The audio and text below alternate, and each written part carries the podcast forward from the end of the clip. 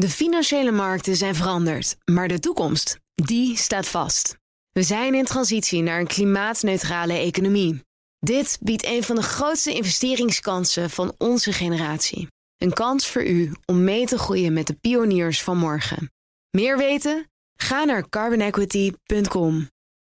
Carbon Equity. Do good by investing better. Een goedemorgen van het FD.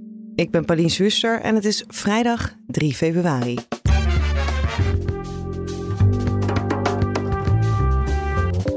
Shell heeft flink geprofiteerd van de energiecrisis. Door tekorten die zijn ontstaan op de gasmarkt en uh, daarop te gaan leveren. En daar hebben ze 40 miljard dollar mee verdiend het afgelopen jaar. De invoering van een wereldwijde winstbelasting kan een hoop extra geld opleveren. En sinds begin dit jaar moeten makelaars een biedlogboek bijhouden. En dat gaat nog niet zo soepel. Wat daarbij dan ook niet helpt, is dat de twee grootste makers van het biedlogboek uh, ja, op dit moment toch wel een ruzie met elkaar hebben. Dit is de dagkoers van het FD. We beginnen met Shell. Gisteren maakte het bedrijf bekend dat ze in 2022 recordwinst hebben behaald. Mijn eerste vraag aan onze Shell-volger Bert van Dijk was: hebben ze geprofiteerd van de energiecrisis? Ja, ik denk eigenlijk wel. Want ze hebben enorm geprofiteerd van eh, ja, de hoge prijzen, met name de hoge gasprijs. En ook vooral de bewegelijkheid van de prijs. Dus een hele grote schommelingen. En daar hebben ze echt ja, volop van geprofiteerd. Dus door te handelen op het juiste moment. Door tekorten die zijn ontstaan op de gasmarkt en uh, daarop te gaan leveren. En daar hebben ze 40 miljard dollar mee verdiend het afgelopen jaar. Ja, en dan kunnen we misschien een beetje aan de verwachtingen die Shell heeft afmeten of we dan dit jaar ook een energiecrisis gaan krijgen. Hoe ziet dat eruit? Nou, uh, Wael Sawan, dat is de nieuwe topman. Die is dit jaar in januari begonnen als opvolger van Ben van Beurden. Die zei in een toelichting dat hij niet verwacht dat we voorlopig um, dat de problemen uh, voorbij zijn. Hij denkt dat het nog wel even voortduurt. Met name omdat hij zegt, ja, tot nu toe hebben we eigenlijk, gek genoeg, klinkt raar, een beetje geluk gehad. Want we hebben een milde winter gehad in Europa.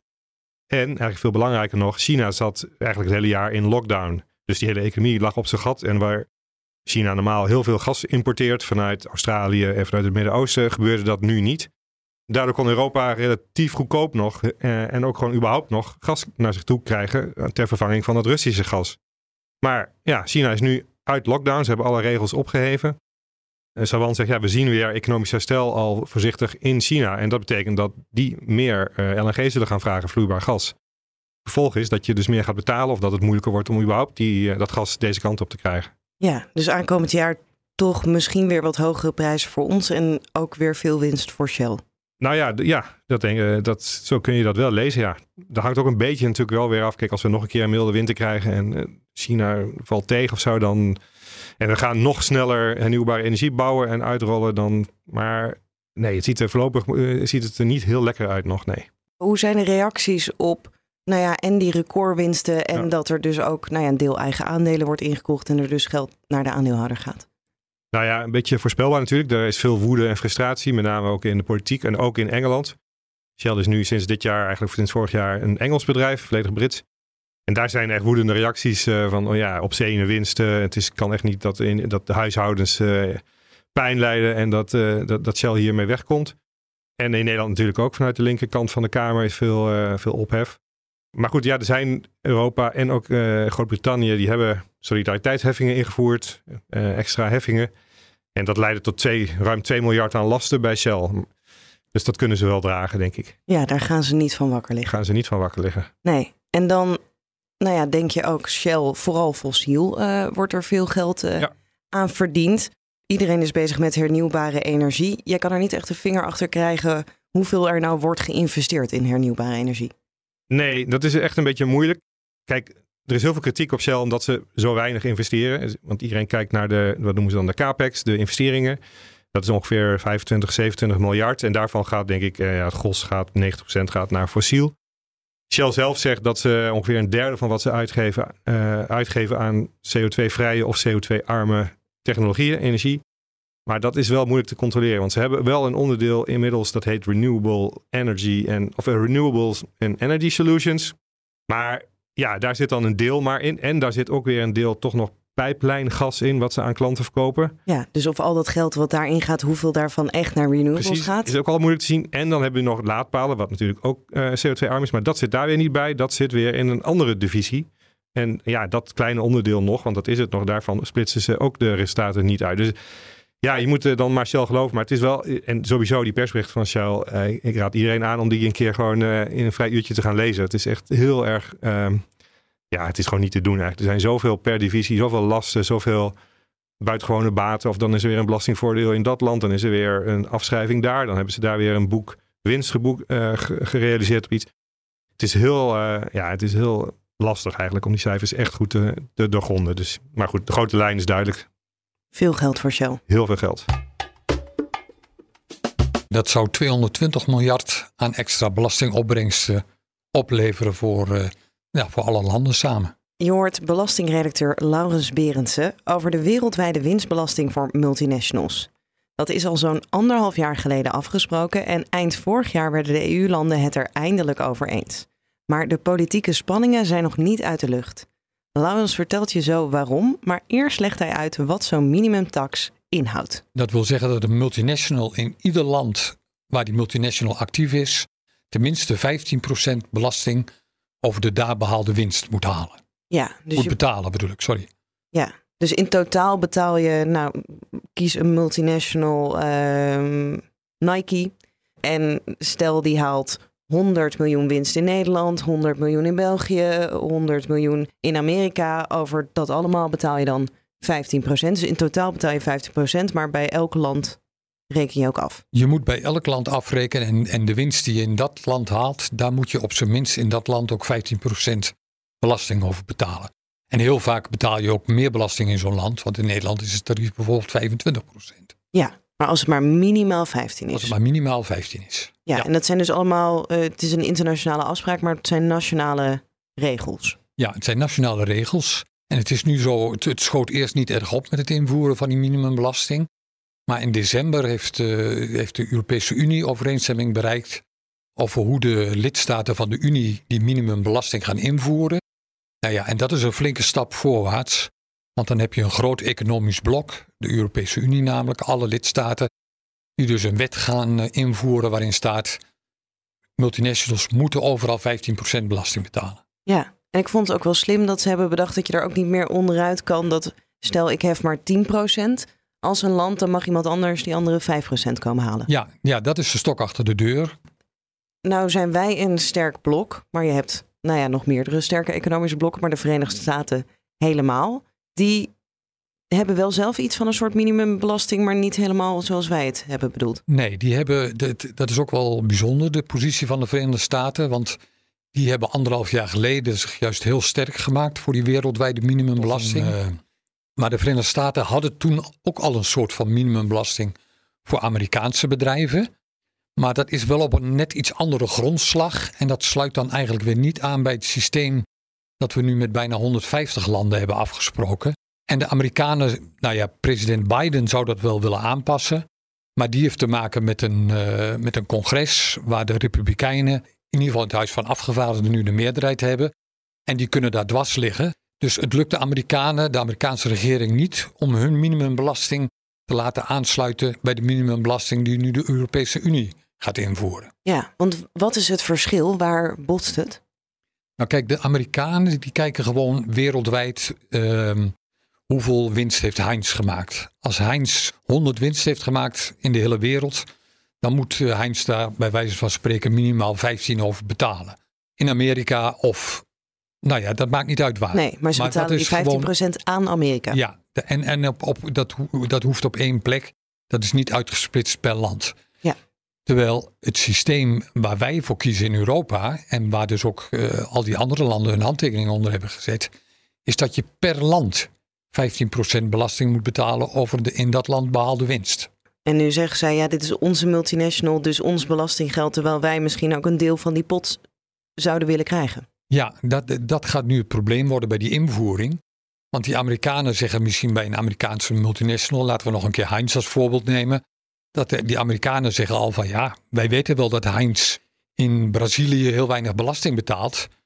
Maar wij heffen in de Verenigde Staten al zoveel belasting bij. dat Heinz wereldwijd wel aan dat minimum komt. Maar wat zeggen de Europese landen? Die zeggen ja, maar dat is een ander soort regel. Heinz moet in Brazilië die 15% belasting betalen. Dus wij gaan Heinz ook nog eens een keer belasting opleggen voor wat ze in Brazilië te weinig betalen. Nou ja, zo krijg je dus ruzies over wie mag nou welke belasting heffen. En voor bedrijven is het grote risico dat ze op het eind van het liedje dubbele belasting moeten betalen. Maar hoe gaan we daar dan uitkomen? Nou ja, er zal wel geprobeerd worden om toch compromissen te bereiken. Iemand in het artikel wat ik erover geschreven heb, die zegt van ze gaan proberen om van dit vierkant een rondje te maken. Nou ja, dat geeft al aan hoe ingewikkeld het is en hoeveel extra ingewikkelde regels je misschien ook nodig hebt. Maar ja, misschien gaan ze daar niet helemaal in slagen. En dan laat ze voorspellen dat er uh, handelsconflicten kunnen ontstaan. En dat ook de politieke spanningen tussen de Verenigde Staten in dit geval en de Europese Unie kunnen oplopen.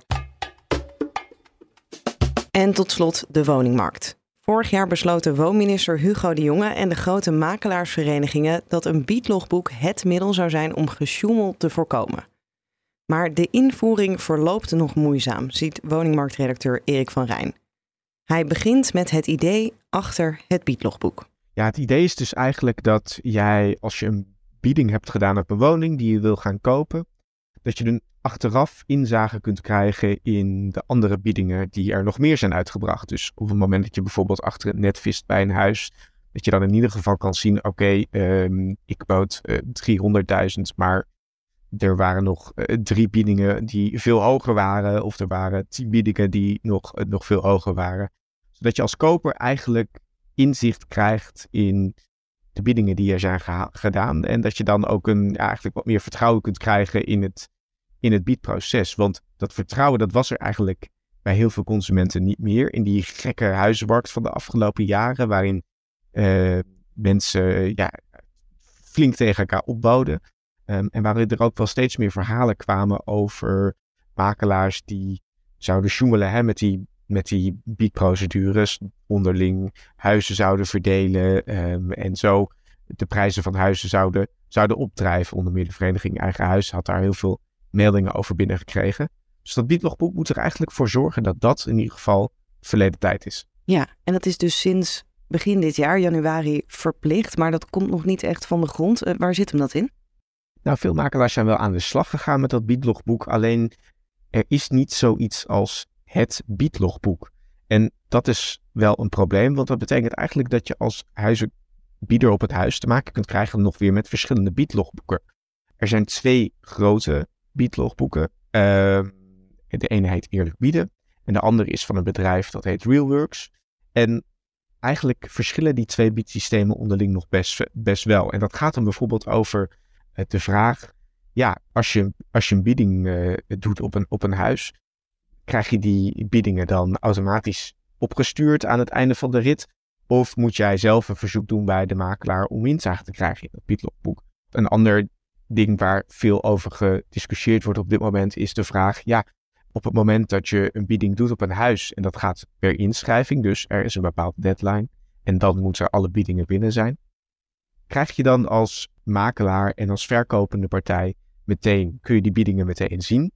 Of moet je wachten op het moment dat die deadline is verstreken? En nou ja, daar, daar zijn verschillende ideeën over mogelijk. Maar eh, er is nog geen eenduidigheid over. Ja, en dat zorgt natuurlijk voor onduidelijkheid voor de consument, die nog steeds niet dan helemaal weet waar hij aan toe is. Ja, want dan wilde je een doorzichtiger systeem en dan is het alsnog overal net een beetje verschillend. Precies. En wat daarbij dan ook niet helpt, is dat de twee grootste makers van het biedlogboek ja, op dit moment toch wel een ruzie met elkaar hebben. Um, en uh, dat is eigenlijk een ruzie tussen twee bedrijfjes, maar eigenlijk ook een ruzie tussen twee grote makelaarsverenigingen die uh, achter, die, uh, achter die bedrijven staan. Want de NVM is de aan 100% aandeelhouder van Realworks, het ene biedlogboek. Terwijl de VBO, de andere grote branchevereniging voor de makelaars, die is weer de minderheidsaandeelhouder van Eerlijk Bieden. En die twee hebben nu een conflict met elkaar over de uh, technische aspecten van dat, van dat biedlogboek. Ja, en dat helpt natuurlijk ook niet als je samen zoiets moet, moet regelen. Want uiteindelijk was het wel de bedoeling dat de makelaar, makelaardij zelf die biedlogboeken zou gaan maken en het ook zelf zou gaan reguleren. Ja, En hoe gaat dit nu verder? Kan Hugo de Jonge als minister dan ingrijpen? Nou, dat gaat hij inderdaad wel doen. Hij was sowieso eigenlijk al van plan om de komende tijd dat wettelijke regels te gaan maken. Alleen ja, dat duurt nou eenmaal lang. En het biedlogboek moest wel er snel komen, vond hij. Dus eerst mochten, er, ja, mochten de makelaars hun eigen interpretatie daar wat aan geven. Maar nu moeten er ja, echt één standaard komen. En of dat nou in de vorm komt van een, bijvoorbeeld een certificaat, hè, zodat alles aan één standaard voldoet. Of echt wettelijke regels waar zo'n biedproces aan kan voldoen. Ja, dat is nog niet helemaal duidelijk. Daar gaat hij de Kamer um, de, komende, de komende zomer pas over, over informeren. Maar er moet in ieder geval er moeten in ieder geval duidelijkere regels komen, zodat die verschillen in ieder geval uit de markt verdwijnen en zodat het voor ja, iedereen duidelijk is, voor de makers, maar ook voor de huizenkopers, aan welke standaarden die moet voldoen.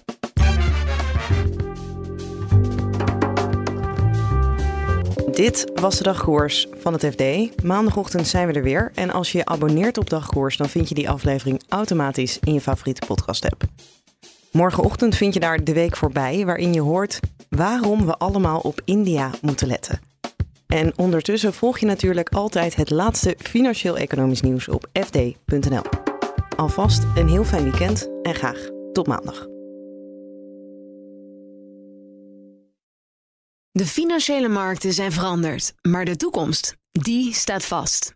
We zijn in transitie naar een klimaatneutrale economie. Dit biedt een van de grootste investeringskansen van onze generatie. Een kans voor u om mee te groeien met de klimaatoplossingen van morgen. Meer weten? Ga naar carbonequity.com. Carbon Equity. Do good by investing better.